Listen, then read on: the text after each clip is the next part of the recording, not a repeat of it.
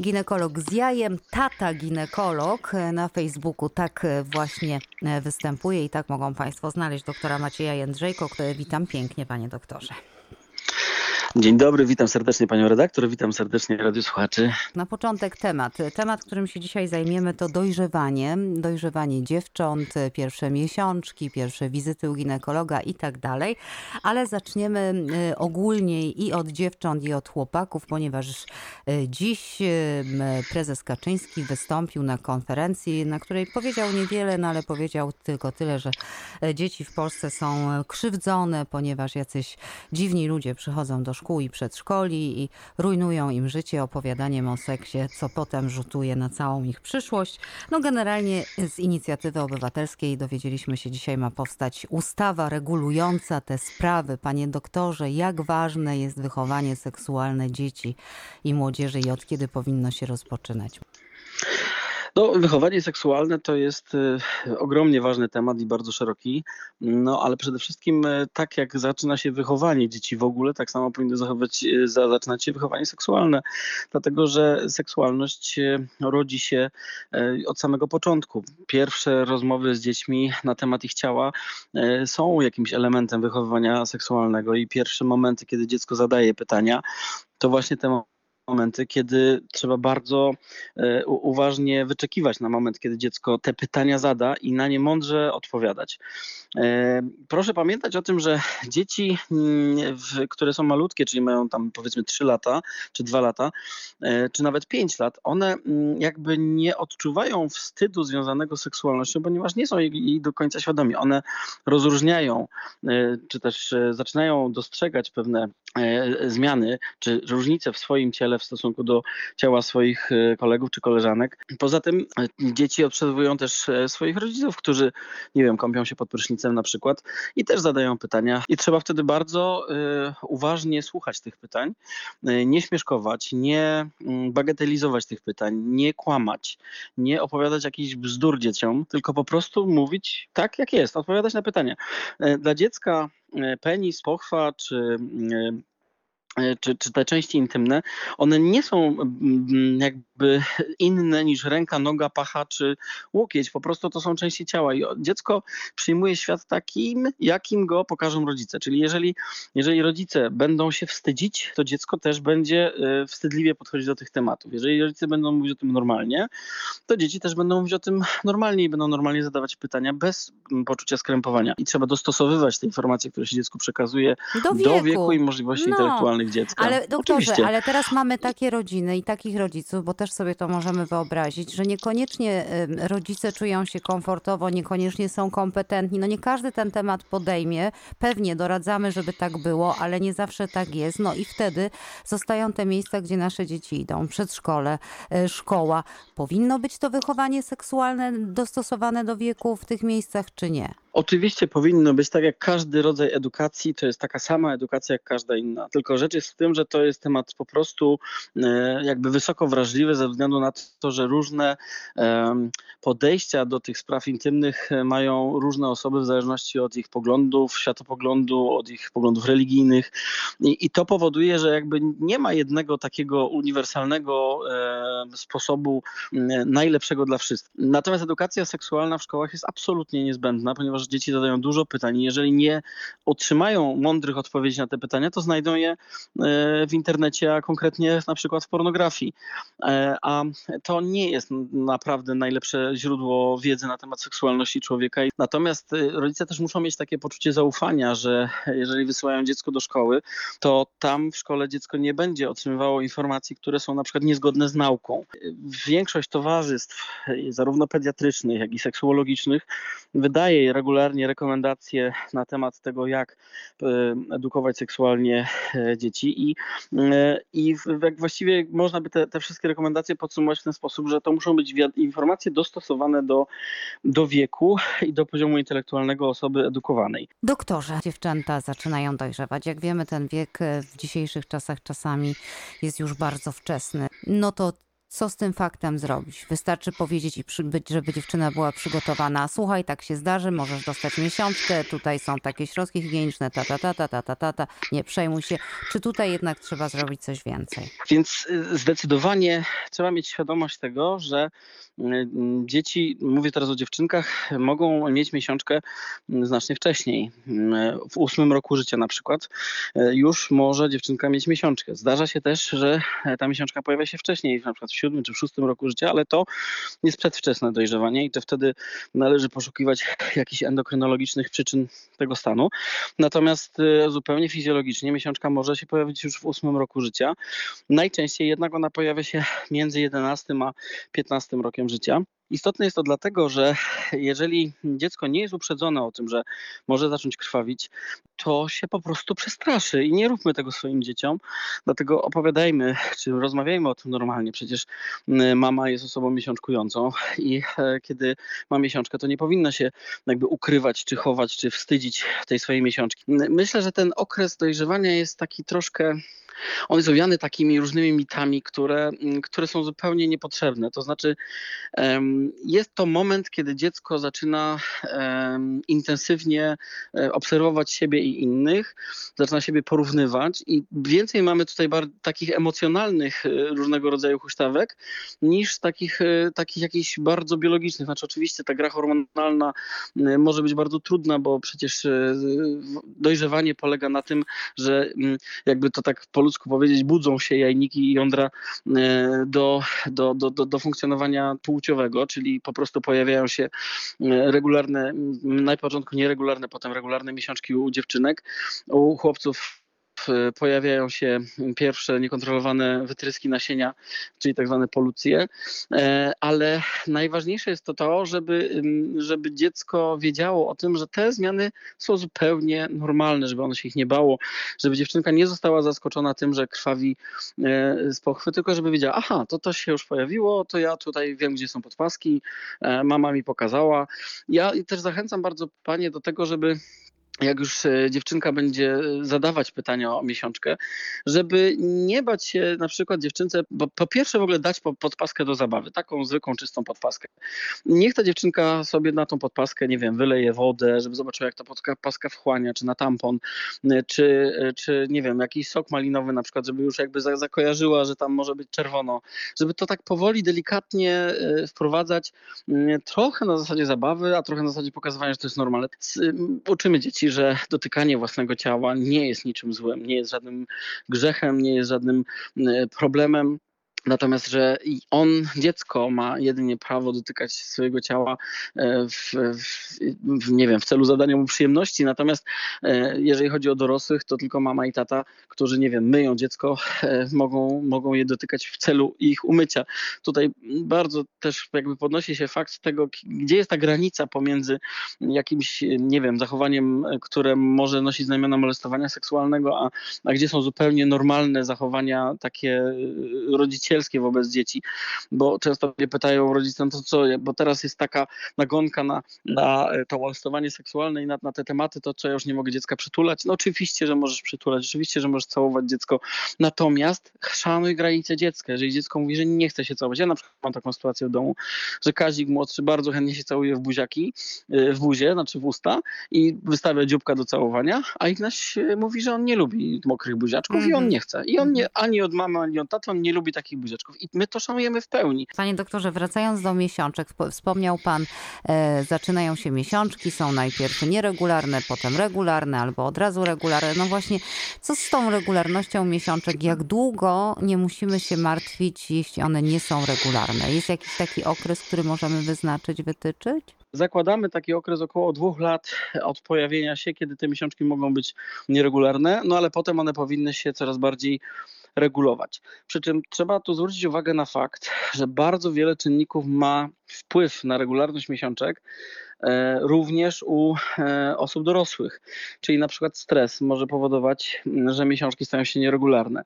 E, niedożywienie, niska masa ciała, kiedy, kiedy jest nieprawidłowy stosunek masy ciała do wzrostu, czyli to BMI e, jest e, nieprawidłowy, jest poniżej 18, 17, to tutaj często dochodzi do zatrzymania miesiączki. 17 BMI, 16 to są takie stany grożące anoreksją i to są stany, kiedy miesiączka się po prostu zatrzymuje. Ja miałem wiele przypadków takich pacjentek, gdzie przychodziła pacjentka na przykład 17 czy 18-letnia z, z brakiem miesiączki wtórnym, bo ta miesiączka gdzieś tam się pojawiła, a potem zanikła. No i pierwsze moje pytanie mm, to było pytanie, czy o masę ciała i wzrost. I okazywało się, że e, BMI u tych dziewczynek było zdecydowanie patologiczne. No to jest wystarczający powód do tego, żeby organizm odciął się od miesiączkowania, ponieważ priorytetem dla organizmu jest przetrwać i przeżyć, a dopiero drugim, jakby drugiego rzędu priorytetem jest przekazać DNA. A zatem organizm, który jest e, zagrożony na przykład e, niedożywieniem, e, niedoborami witaminowymi, białkowymi, no generalnie jest, jest jakoś zagrożony zdrowotnie, czy po prostu choruje na jakąś chorobę, nie, jakby ten organizm będzie koncentrował swoje siły na przeżyciu i przetrwaniu, a nie na miesiączkowaniu. Zdarza się u dzieci na przykład niedoczynność tarczycy, to jest bardzo ważna sprawa, a bardzo łatwa do zdiagnozowania. Wystarczy pobrać krew na TSH, FT3, FT4, ewentualnie przeciwciała e, antyTPO, antyTG i już będziemy wtedy wiedzieć, czy coś jest nie tak e, z starczycą. Można sprawdzić prolaktynę, która e, też pojawia się na przykład w odpowiedzi na silny stres. Można sprawdzić E, poziom na przykład białka w organizmie, czy nie jest zbyt niski poziom glukozy, insuliny e, i tak dalej. Jest wiele rzeczy, które możemy sprawdzić e, w, w Ale doktorze, kiedy te, dziecka. badania, kiedy te badania robić? Kiedy się zacząć niepokoić? Mówi pan, do dwóch lat można spokojnie zakładać, że to może być nieregularne wszystko, tak? I, i, i tam się dopiero... Tak. Mhm. Do dwóch lat od pojawienia się miesiączki mogą te, mogą te miesiączki być nieregularne.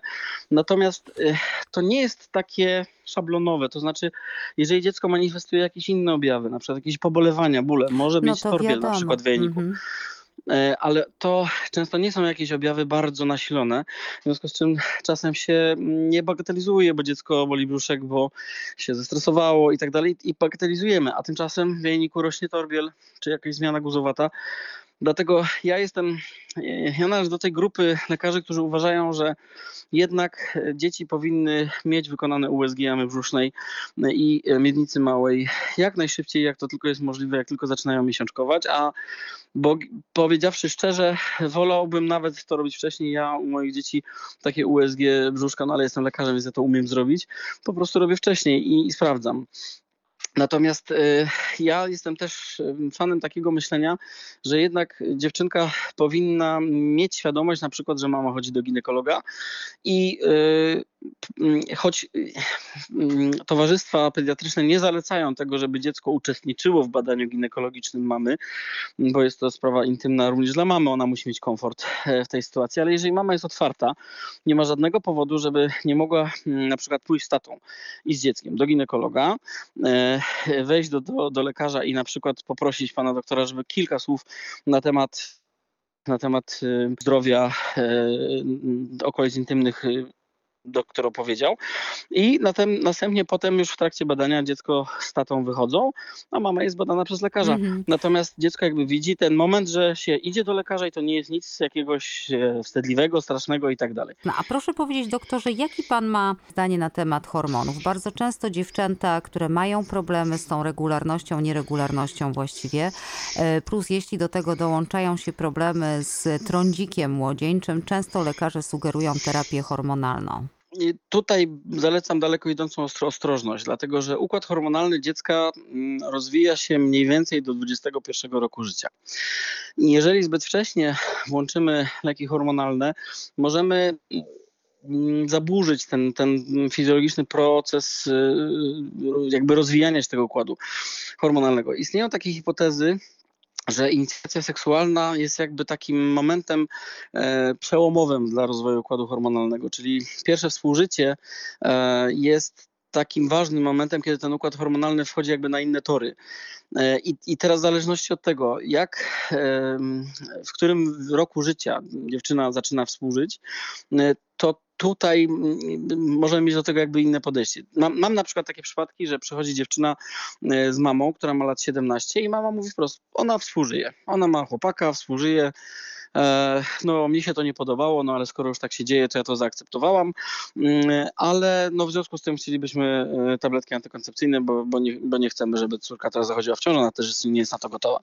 I ja wtedy nie robię żadnych z tego e, tematu problemów, ponieważ wychodzę trochę z założenia, że skoro doszło już do inicjacji seksualnej, po prostu należy wypisać tabletki antykoncepcyjne, ale regulowanie tabletkami nieregularnych miesiączek w sytuacji, kiedy to nie jest to nie zaburza jakoś funkcjonowania tego dziecka, moim zdaniem nie jest rozsądne. -hmm. Najpierw trzeba się przyjrzeć sytuacji emocjonalnej. Czy dziecko nie ma jakichś problemów, czy nie ma problemów w szkole, czy nie ma problemów w grupie rówieśniczej, czy nie ma problemów z chłopakiem, czy nie ma problemów z tatą, czy nie ma problemu z mamą. To są bardzo trudne, skomplikowane tematy i mm, mam takie doświadczenie, że te dziewczynki, które mają bardzo nasilony trądzik, które mają bardzo nasilone takie mm, wykwity skórne, one często, bardzo często mają poważne problemy też emocjonalne mhm. związane z sytuacją rodzinną. Czyli stres y, numer jeden, potem y, jak jesteśmy niespokojni, czy też właściwie nawet kiedy jeszcze nie jesteśmy niespokojni, USG to pan doktor zaleca, no i w ogóle badania, badania z krwi, bo one też mogą wiele pokazać, o czym Pan powiedział. Doktorze, a proszę powiedzieć mm, jeszcze słów kilka o higienie, bo mm, nasze słuchaczki pytają i, i to zresztą jest bardzo częste pytanie i rozmowy wśród mam. E, jak już jest ta miesiączka i na przykład e, e, są wakacje, czy dziewczynki mogą używać tamponów, czy nie powinny tego robić? Oczywiście mogą używać tamponów, mogą używać, tylko pamiętajmy o tym, że korona pochwowa, zwana kiedyś dawno temu e, błoną dziewiczą, tej nazwy staramy się już unikać i ją wymazywać powoli z, ze słowników. E, czyli korona pochwowa, czyli ta błonka, która oddziela przedsionek pochwy od pochwy, ona ma różną budowę. U niektórych dziewczynek ona jest zupełnie otwarta, u niektórych dziewczynek jest prawie całkiem zamknięta. Jest kilkanaście typów tej korony pochwowej, e, która e, w związku z tym nie zawsze po prostu jest możliwe założenie tamponu. Czasem jest tak, że jest kilka drobnych otworków w tej błonce i wtedy nie ma szans na założenie tamponu. E, czasem jest tak, że jest jeden większy otworek i wtedy nie ma większych problemów. Natomiast jeżeli dziecko jest zestresowane, napięte, to wkładanie sobie czegokolwiek do pochwy to jest taki, no, ja bym powiedział, że to jest już wyższy level, tak? Stosowanie tamponów, to, to jakby dziecko musi samo o tym zdecydować. Jeżeli dziecko zna swoje ciało, jeżeli dziecko nie jest przestraszone czy nastraszone zabobonami związanymi z, nie wiem, z masturbacją czy z dotykaniem własnego ciała, jeżeli jakby nie jest karane za masturbację, jeżeli od dziecka, e, czy tam w tym wieku już, gdzie, gdzie zadaje te pytania, dostaje informację, że, że masturbacja jest czymś zupełnie normalnym, że jest to, że jest to zachowanie intymne, wymagające e, higieny, czystych rąk, um, higienicznego otoczenia, tak żeby nie zrobić sobie krzywdy i, i że nie ma nic złego w dotykaniu własnego ciała, ale po prostu nie jest to czynność, z którą się należy obnosić, czy pokazywać innym, czy robić to publicznie i tak dalej, i tak dalej. To dziecko musi od dziecka wiedzieć takie rzeczy. E, to wtedy też dziecko nie ma jakby problemów z dotykaniem sobie tych okolic, czy, czy nawet w, nie wiem, wsunięciem sobie paluszka do pochwy, tak, żeby mhm. coś tam sprawdzić z ciekawości. Jeżeli dziecko jest w stanie wsunąć palec do pochwy, no to też w stanie jest założyć tampon. Ale Jeżeli doktorze, nie jest w stanie sobie wsunąć... Mhm. Ale mhm. jeśli, jeśli tych barier nie ma, jeśli dziewczynka sama chce, prosi, czy ja mogę, to tutaj jak, Oczywiście. jakichś przeciwwskazań medycznych, jeśli ten tampon oczywiście jest odpowiednio często wymieniany, no bo musimy o tym pamiętać, prawda? Zwłaszcza jak jest ciepło. Mhm. Nie rzadziej niż co trzy godziny. Dokładnie. Mhm. To nie ma takich przeciwwskazań medycznych, tak? Nie, nie ma żadnych przeciwwskazań medycznych. Jeżeli dziecko, jeżeli dziewczynka, już nazwijmy to w ten sposób, jeżeli dziewczynka, jeżeli dziewczyna jest już w tym wieku, że, że, że zupełnie jakby swobodnie o tym mówi, nie ma tych barier takich właśnie, o których mówiliśmy i, i, i chce zastosować tampony, nie ma żadnych absolutnie przeciwwskazań. Natomiast należy pamiętać o tym, że jedyne niebezpieczeństwo prawdziwe i poważne związane z tamponami polega na zapomnieniu o tym, że ten tampon został założony do pochwy. Bo niestety to się nagminnie zdarza dziewczynom e, i bywa tak, miałem takie przypadki, że przyszła do mnie kobieta z bólami silnymi brzucha, a ja z pochwy wyciągnąłem trzy tampony, bo pierwszy był założony gdzieś tam głęboko, drugi potem założony na niego, a trzeci jeszcze na ten drugi, e, bo dziewczyna już nie pamiętała, czy go założyła, czy go nie założyła, czy go wyjęła, pociągnęła za sznurek, sznurek się urwał, ona jakby nie, nie, nie, jakby nie zarejestrowała faktu, że czy ten tampon wypadł, czy nie wypadł. To wszystko też zależy, jakby tutaj ważna jest ta uważność, ale ważne jest też uprzedzenie mm, dziecka, że tampon wymaga, mm, wymaga po prostu uwagi. Tampon nie może być dłużej w pochwie niż 3 godziny po trzech godzinach musi zostać z tej pochwy usunięty i jeżeli są jakiekolwiek problemy z wyjęciem tego tamponu, to należy się zgłosić do ginekologa. Mm -hmm. Oczywiście wyjęcie tamponu nie jest problemem samodzielne. Problemem jest to, że ktoś się zaczyna bać, że coś jest nie tak.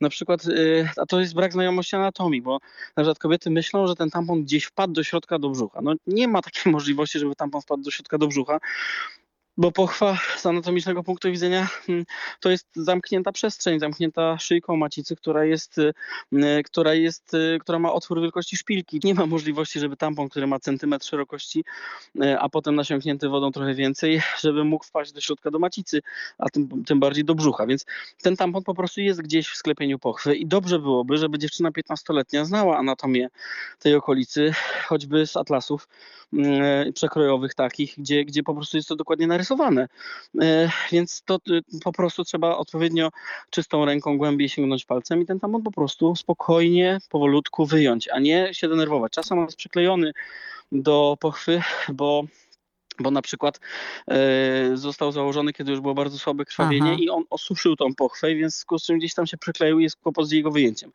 Ale jeżeli jest stres, jeżeli dziewczyna jest przestraszona, no to ona się zaciska jak się zaciska, zaciska pochwę, to zaczynają tam wszystko boleć i wpada w panikę. Dobrze. Ważne jest to, żeby wiedzieć też, że niewyjęty tampon przez na przykład wiele godzin może być źródłem infekcji i nawet wstrząsu mm, toksycznego, który e, jeżeli się tam e, wdadzą bakterie no, konkretny gatunek tam Staphylococcus, to mogą doprowadzić do wstrząsu toksycznego, który może nawet być śmiertelny.